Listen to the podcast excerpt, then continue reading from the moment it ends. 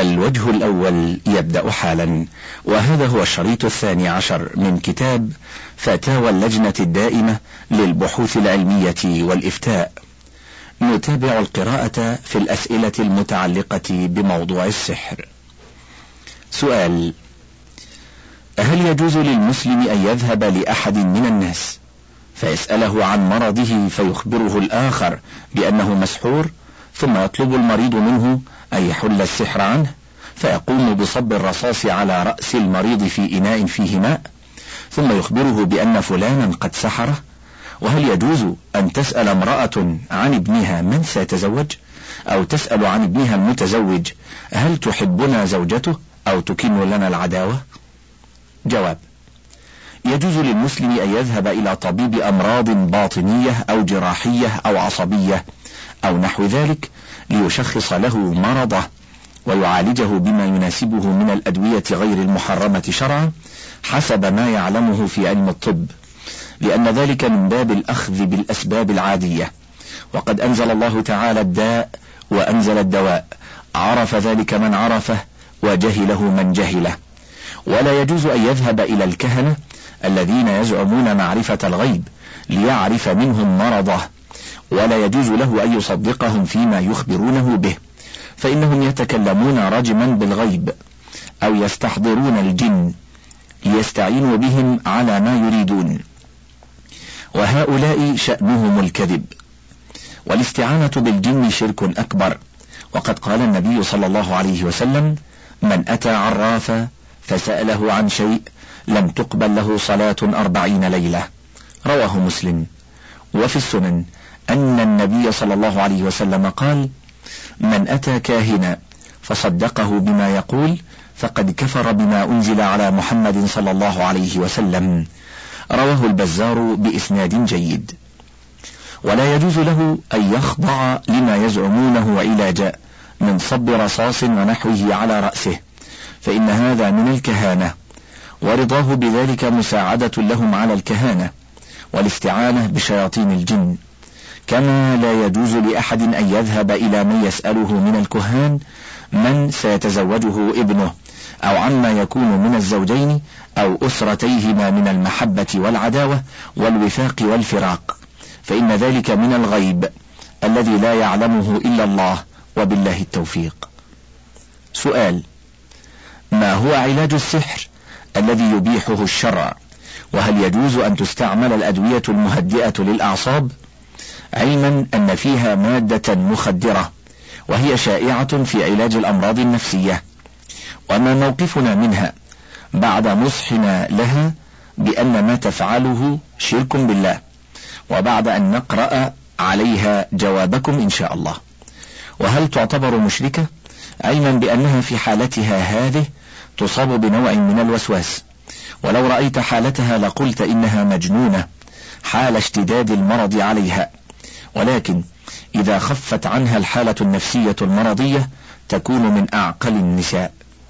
جواب أولا لا يجوز أن يعالج السحر بالسحر ولكن يعالج بالرقية بقراءة القرآن والأذكار النبوية الواردة في الرقية وبالدعاء وطلب الشفاء من الله. وفي الكلم الطيب لابن تيمية والوابل الصيب لابن القيم. ورياض الصالحين والأذكار النووية للنووي رحمهم الله كثير من الأذكار والأدعية النافعة في ذلك.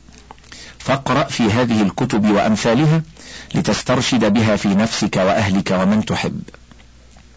ثانيا استمر في نصح والدتك والإنكار عليها مع مراعاة الأدب وصاحبها في الدنيا بالمعروف لعموم قوله تعالى ووصينا الإنسان بوالديه حملته أمه وهنا على وهن.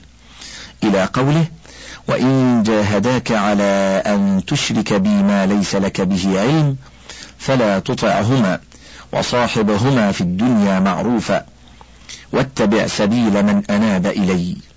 الآية. ثالثا إذا كانت حالتها حين اشتداد المرض كما ذكرت من أنها كالمجنونة فقد يعتبر ذلك عذر. فيرجى أن يعفو الله عما وقع منها في تلك الحالة. والله الشافي والهادي إلى سواء السبيل.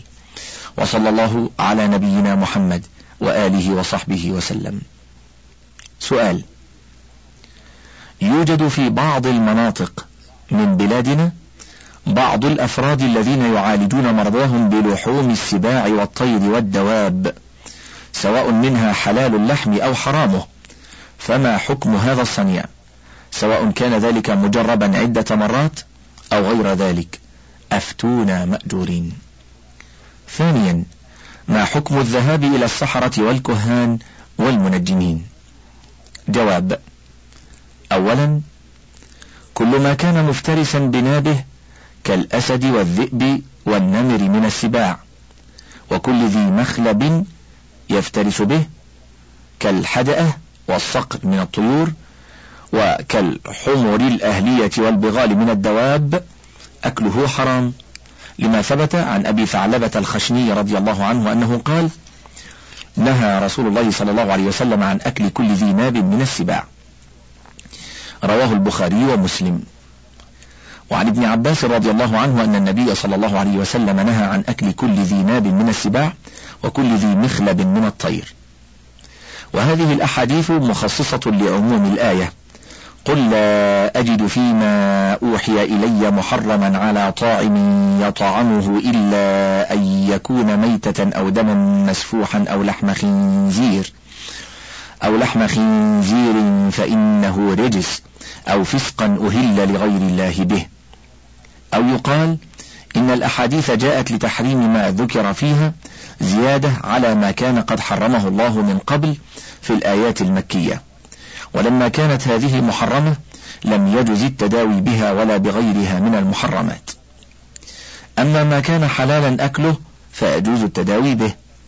ثانيا لا يجوز الذهاب إلى السحرة ولا إلى الكهان والمنجمين ولا تصديقهم لقول النبي صلى الله عليه وسلم من أتى عرافا فسأله عن شيء لم تقبل له صلاة أربعين ليلة. خرجه مسلم في صحيحه. والعراف يعم الكاهن والمنجم والساحر. وقوله صلى الله عليه وسلم من أتى كاهنا فصدقه بما يقول فقد كفر بما أنزل على محمد. أخرجه أهل السنن.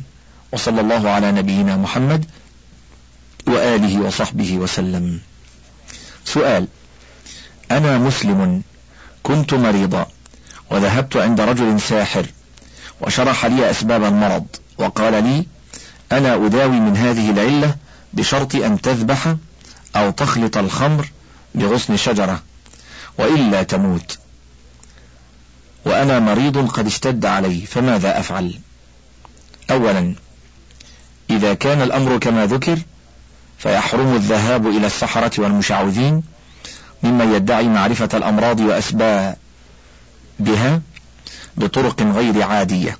لأن ما أمرك به من الذبح لغير الله شرك أكبر والعلاج بالخمر محرم لأن الله لم يجعل شفاء الأمة فيما حرم عليها.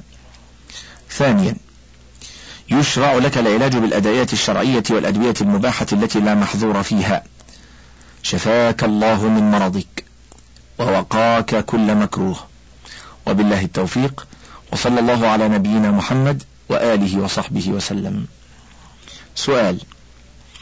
إذا اتضح لنا أن إنسانا سحر لإنسان آخر كيف نبطل مفعوله في الشرع؟ جواب تعاطي السحر حرام بل كفر أكبر فلا يجوز أن يستعمل السحر لإبطال السحر. ولكن يعالج المبتلى بالسحر بالرقى والأدعية الشرعية الواردة في القرآن والثابتة في السنة. وبالله التوفيق وصلى الله على نبينا محمد وآله وصحبه وسلم. سؤال. أرسلت إحدى الأخوات إلى زوجتي بسؤال. أنه لما سحر رسول الله صلى الله عليه وسلم لم ينفك السحر عنه إلا عندما جاءه جبريل عليه السلام وأخبره بما كان كما هو ثابت وصحيح إذا لما أحد يعمل له عمل يجوز أن يفكه بين معقفتين هذا كلام الأخت السائلة. وتقول إن هذا هو الذي فهمته عند قراءتها لتفسير سورة الفلق في ابن كثير. أرجو توضيح الصواب. جواب لا يجوز حل السحر بسحر مثله وينبغي لمن أصيب بسحر أن يتعالج بالأدوية الشرعية من الرقية بالقرآن. من الرقية بالقرآن واستعمال الأدوية والعقاقير المباحة.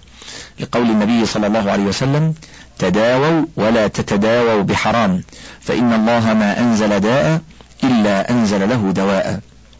وكذلك له أن يفكه باستخراج ما سحر فيه كما فعل النبي صلى الله عليه وسلم. إذا عرف مكانه وبالله التوفيق وصلى الله على نبينا محمد وآله وصحبه وسلم. سؤال يقول كثير من الناس إن أحد الرجال معمول له سحر ويذهبون إلى شخص ما لفك السحر فيعمل حجابا وغيره ونجد هذا قد فك السحر فعلا. فما رأي سعادتكم؟ وهل الرسول صلى الله عليه وسلم سحر فعلا؟ جواب فك السحر بالسحر لا يجوز وإتيان الكهان أو إحضارهم عند المسحور لفك ما به من سحر لا يجوز وتعليق الحجب والتمائم لذلك لا يجوز. ولو ترتب على ما ذكر فك السحر أحيانا. ولكن يرقى المسحور بتلاوة القرآن عليه كسورة الفاتحة وآية الكرسي. وقل هو الله أحد والمعوذتين ونحوها من سور القرآن وآياته. وكذلك يرقى بالأدعية والأذكار الثابتة عن النبي صلى الله عليه وسلم مثل اللهم رب الناس أزل الباس واشف أنت الشافي. لا شفاء إلا شفاؤك شفاء لا يغادر سقما. ومثل بسم الله أرقيك من كل شيء يؤذيك ومن شر كل نفس أو عين حاسد الله يشفيك. بسم الله أرقيك من كل شيء يؤذيك. ويكرر ذلك ثلاث مرات لثبوت ذلك عن النبي صلى الله عليه وسلم. ونوصيك بالرجوع إلى كتاب الأذكار للنووي وكتاب الكلم الطيب لابن تيمية وكتاب الوابل الصيب لابن قيم الجوزية وباب ما جاء بالنشرة في كتاب التوحيد وفتح المجيد. وقد ثبت في الصحيحين أنه صلى الله عليه وسلم سحر ثم شفاه الله من ذلك. وبالله التوفيق وصلى الله على نبينا محمد وآله وصحبه وسلم. سؤال حجت أخت لي مع أبي ومعهم بعض الجماعة من بلدتنا. وفي يوم عرفة أتتهم امرأة جنسيتها إيرانية ومعها خيط من حرير. وقالت لها وللنسوة اللواتي معها من حج منكن أول حجة هذه فليعقد لي عقدة بهذا الخيط. فقالت أكبرهن وهي قد حجت قبل ذلك أعقده أو اعقدنه فعقدنه. والسؤال هل تصح حجة من عقد هذا الخيط؟ والمرأة الإيرانية تقول إن عندها رجلا مريضا ويشفى من هذا المرض وأختي ومن معها لم تبلغ أبي كي يمنعها أو لا يمنعها لأنها خجلت ومن معها. جواب هذا العمل لا يجوز والتي فعلته إذا كانت جاهلة فهي معذورة بجهلها. وإذا كانت عالمة أنه لا يجوز فإنها تكون آثمة وعليها التوبة والاستغفار. ولا تعود إلى مثله. وأما حجها فصحيح إن شاء الله. وبالله التوفيق. وصلى الله على نبينا محمد وآله وصحبه وسلم. سؤال. هل سحر رسول الله صلى الله عليه وسلم؟ وهل نفذ فيه السحر؟ جواب. الرسول صلى الله عليه وسلم من البشر. فيجوز أن يصيبه ما يصيب البشر من الأوجاع والأمراض. وتعدي الخلق عليه وظلمهم إياه كسائر البشر إلى أمثال ذلك مما يتعلق ببعض أمور الدنيا التي لم يبعث لأجلها ولا كانت الرسالة من أجلها فغير بعيد أن يصاب بمرض أو اعتداء أحد عليه بسحر ونحوه يخيل إليه بسببه في أمور الدنيا ما لا حقيقة له كأن يخيل إليه أنه وطئ زوجاته وهو لم يطأهن أو أنه يقوى على وطئهن حتى إذا جاء إحداهن فتر ولم يقوى على ذلك. لكن الإصابة أو المرض أو السحر لا يتجاوز ذلك إلى تلقي الوحي عن الله تعالى ولا إلى البلاغ عن ربه إلى العالمين. لقيام الأدلة من الكتاب والسنة وإجماع سلف الأمة على عصمته صلى الله عليه وسلم في تلقي الوحي وبلاغه وسائر ما يتعلق بشؤون الدين. والسحر نوع من الأمراض التي أصيب بها النبي صلى الله عليه وسلم. فقد ثبت عن عائشة رضي الله عنها أنها قالت سحر رسول الله صلى الله عليه وسلم رجل من بني زريق يقال له لبيد بن الأعصم. حتى كان رسول الله صلى الله عليه وسلم يخيل إليه أنه كان يفعل الشيء وما يفعله. حتى إذا كان ذات يوم أو ذات ليلة دعا رسول الله صلى الله عليه وسلم ثم دعا. ثم دعا. ثم قال يا عائشة أشعرت أن الله أفتاني فيما استفتيته فقد جاءني رجلان فقعد أحدهما عند رأسي والآخر عند رجلي فقال الذي عند رأسي للذي عند رجلي أو الذي عند رجلي للذي عند رأسي ما وجع الرجل؟ قال مطبوب. قال ومن طبه قال لبيد بن الأعصم. قال في أي شيء؟ قال في مشط ومشاطة. قال وجف طلعة ذكر. قال أين هو؟ قال في بئر ذي أروان. قالت فأتاها رسول الله صلى الله عليه وسلم في أناس من أصحابه. ثم قال يا عائشة كأن ماءها نقاعة الحناء وكأن نخلها رؤوس الشياطين. قالت فقلت يا رسول الله أفلا أحرقته؟ قال لا. أما أنا فقد عافاني الله فكرهت أن أثير على الناس شرا فأمر بها فدفنت. رواه البخاري ومسلم. ومن أنكر وقوع ذلك فقد خالف الأدلة وإجماع الصحابة وسلف الأمة متشبثا بشبه وأوهام لا أساس لها من الصحة فلا يعول عليها. وقد بسط القول في ذلك العلامة ابن القيم في كتاب زاد المعاد والحافظ ابن حجر في فتح الباري. وصلى الله على نبينا محمد وآله وصحبه وسلم.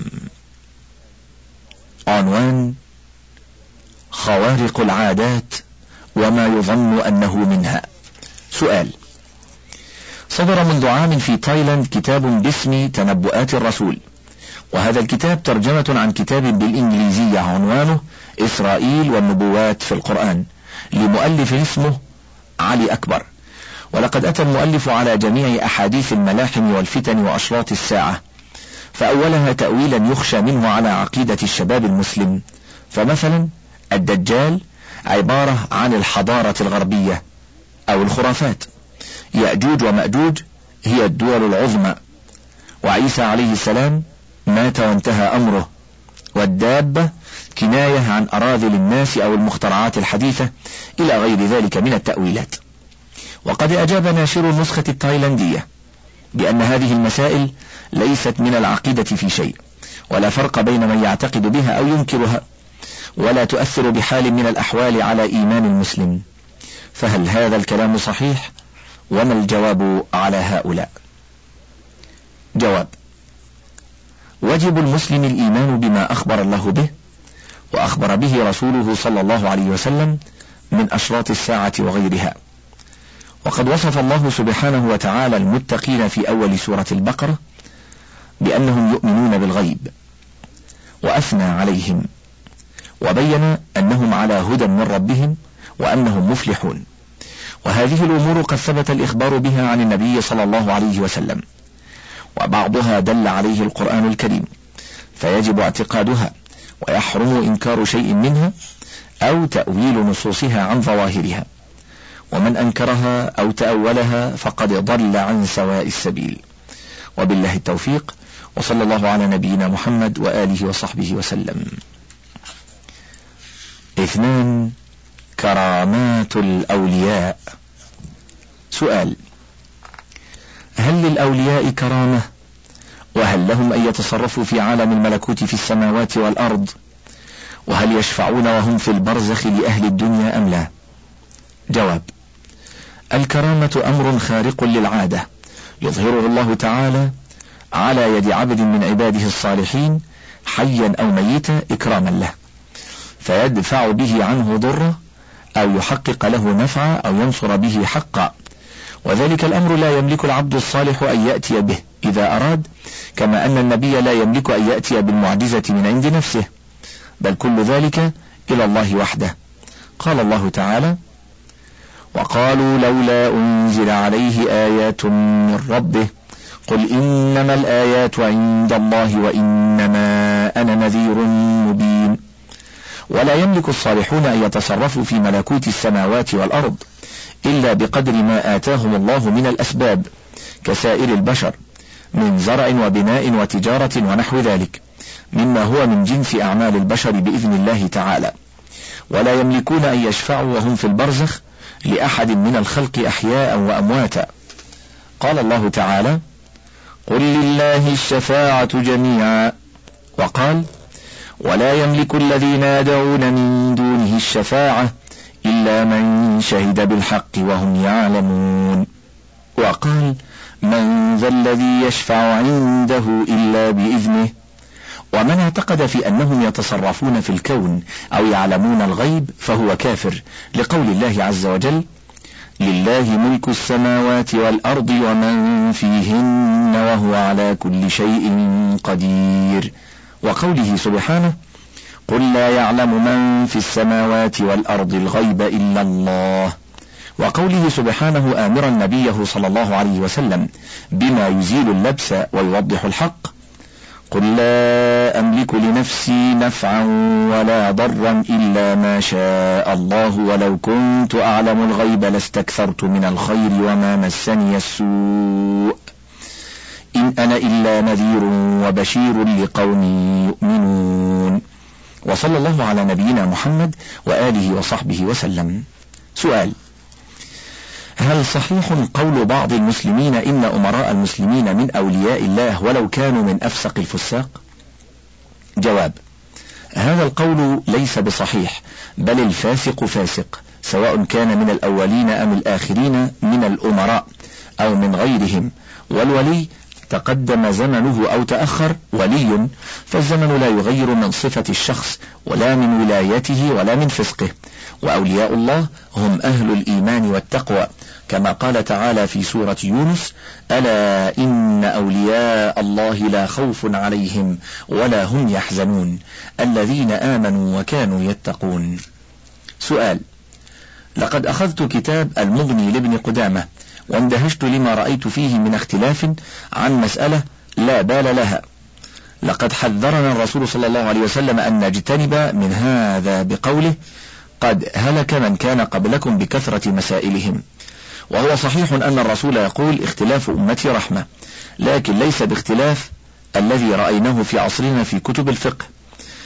أقرأ الصفحة السابعة من كتاب المغني بعنوان ذكر شيء من كرامته. حينما أقرأ هذه القطعة أشعر كأني أقرأ قصة أسطورية هندية أو قصة علاء الدين من كتاب ألف ليلة وليلة. هذا الشيخ فعل شيئا ما فعله الصحابة الكبار ويمشي على الماء. إن هذا من أساطير الأولين. كيف يسمح بانتشار هذا الكتاب تحت رئاسة إدارات البحوث العلمية والإفتاء؟ والدعوة والإرشاد. والقصة مثل هذا يهدي الإنسان إلى الشرك بالله. أرجو منك أن تحذف هذه القطعة من هذا الكتاب. جواب. أولا ما ذكرته في سؤالك من وقوع خلاف في المسائل الفقهية ليس غريبا. فإن من سنة الله في الناس أنه جعلهم مختلفين في مداركهم وعقولهم وفي اطلاعهم على الأدلة السمعية وإدراكهم لأسرار الكون وما أودعه الله فيه من سننه فلا عجب أن يختلفوا في مسائل العلوم الشرعية والكونية عقلا وسمعا. بل ذلك هو مقتضى الحكمة. واختلاف الخلق والمواهب فليس لك أن تستنكر ذلك. لكن المنكر أن يتكلم الإنسان بجهل أو لكن المنكر أن يتكلم الإنسان بجهل أو اتباعا للهوى أو بمعصية لرأي من تقلد مذهبه. أما من نظر في الأدلة الكونية والسمعية الاجتهادية بإنصاف مبتغيا الحق فهو محمود أصاب أم أخطأ؟ فإن أصاب فله أجران. أجر عن اجتهاده وأجر عن إصابة الحق. وإن أخطأ فهو معذور وله أجر واحد عن اجتهاده. ثانيا ما ذكرته في سؤالك من كرامة المشي على الماء؟ ليس في المغني ولا من كلام ابن قدامة وإنما هو من كلام من كتب ترجمة ابن قدامة وجعلها مقدمة للكتاب للتعريف بالشيخ. ثم إنك لم تقرأ نقد أبي طاهر في تعليقه على قصة الكرامة لتستفيد منه. ولا تعيب على من نشر الكتاب. ثم ذلك ليس بمستنكر وليس من الأساطير. فقد وقع مثل ذلك لبعض الصحابة رضي الله عنهم إكراما لهم وإظهارا لفضلهم لاستقامتهم على شريعة الله سبحانه. وصلى الله على نبينا محمد وآله وصحبه وسلم. ثلاثة الكهانة. سؤال نعيش في مدينة أهلها لا يتعوذون ولا يسمون ولا يقرؤون دعاء الاستفتاح ولا يسكتون في المواضع التي كان الرسول صلى الله عليه وسلم يسكت فيها. وكثير منهم يحلقون اللحى خصوصا خطباء الجمعة زيادة على بدع أخرى معادية للإسلام. وقد يعملون أشياء أخرى كالكهانة والفتاوى الباطلة من أجل الإرضاء مع العلم أننا أبلغناهم ما ثبت عن النبي صلى الله عليه وسلم فيما يخص قضية الصلاة. لكنهم رفضوا بكل قوة وقالوا حسبنا ما وجدنا عليه آباءنا. وهؤلاء الأئمة لا يراعون طاعة الله في تربية أبنائهم إلا من رحم الله وقليل ما هم. فمنهم من تخرج فتياتهم سافرات عاريات دون أن يبالين بأن أفعالهن منافية للإسلام. وأما الخطباء فهم راضون عن المنكر الذي يعملونه يوم الجمعة من رواية الحديث قبل الخطبة وقراءة القرآن جماعة قبل أن يدخل الخطيب المسجد. ويؤذنون ثلاث مرات يوم الجمعة وهذه ظاهرة شائعة في بلادنا. وكلهم قد نبهوا من طرق الإخوان السنيين الذين تمسكوا وما زالوا متمسكين بسنة النبي صلى الله عليه وسلم. هذه بعض النقط القليلة التي ذكرناها من البدع التي وجدناها على خلاف ما جاء عليه النبي صلى الله عليه وسلم. السؤال هل يجوز للمسلم أن يصلي وراء هؤلاء الأئمة المبتدعة؟ هل المنكر للسنة؟ هل المنكر للسنة تجوز الصلاة وراءه؟ وبعض هؤلاء يعملون الفاتحة أي الدعاء جماعة دبر كل صلاة بصوت مرتفع كما يقرؤون الحزب بعد صلاة الفجر وبعد صلاة المغرب جماعة. ودوما يقرؤون القرآن في المكارم والحفلات والأعراس مقابل الدراهم. كما يقرؤون القرآن في المقابر وفي الجنائز مقابل الدراهم ويشيعون الجنازة بالذكر. نريد منكم أن تبينوا لنا بيانا شافيا واضحا حتى نكون على بينة من ديننا. جواب. أولا الحق مع من يستعيذ بالله من الشيطان الرجيم عند بدء القراءة سواء كانت القراءة في الصلاة أم لا لعموم قوله تعالى فإذا قرأت القرآن فاستعذ بالله من الشيطان الرجيم. لكنها يسر بها في الصلاة كالتسمية. والحق أيضا مع من يقرأ البسملة سرا قبل الحمد لله رب العالمين في الصلاة. وكذا السكوت سكتة خفيفة بين تكبيرة الإحرام والقراءة وقراءة دعاء الاستفتاح فيها. وكذا السكوت بين نهاية القراءة والركوع. ومن قال بذلك فهو مصيب مأجور أجرين. ومن خالف فهو معذور مأجور أجرا واحدا إذا كان مجتهدا متحريا للصواب فأخطأ. ويجوز صلاة كل من الفريقين وراء الآخر والأمر في ذلك واسع والمشادة أو الخصام فيه لا تجوز. ثانيا حلق اللحية حرام لأمر النبي صلى الله عليه وسلم بإعفائها وإحفاء الشارب ولمخالفته للفطرة. ثالثا الكاهن من يزعم أنه يعلم المغيبات أو يعلم ما في الضمير وأكثر ما يكون ذلك ممن ينظرون في النجوم لمعرفة الحوادث أو يستخدمون من يسترقون السمع من شياطين الجن. ومثل هؤلاء من يخط في الرمل وينظر في الفنجان أو في الكف ومن يفتح الكتاب زعما منهم أنهم يعرفون بذلك الغيب. وهم كفار لزعمهم أنهم شاركوا الله في صفة من صفاته الخاصة به وهي علم الغيب.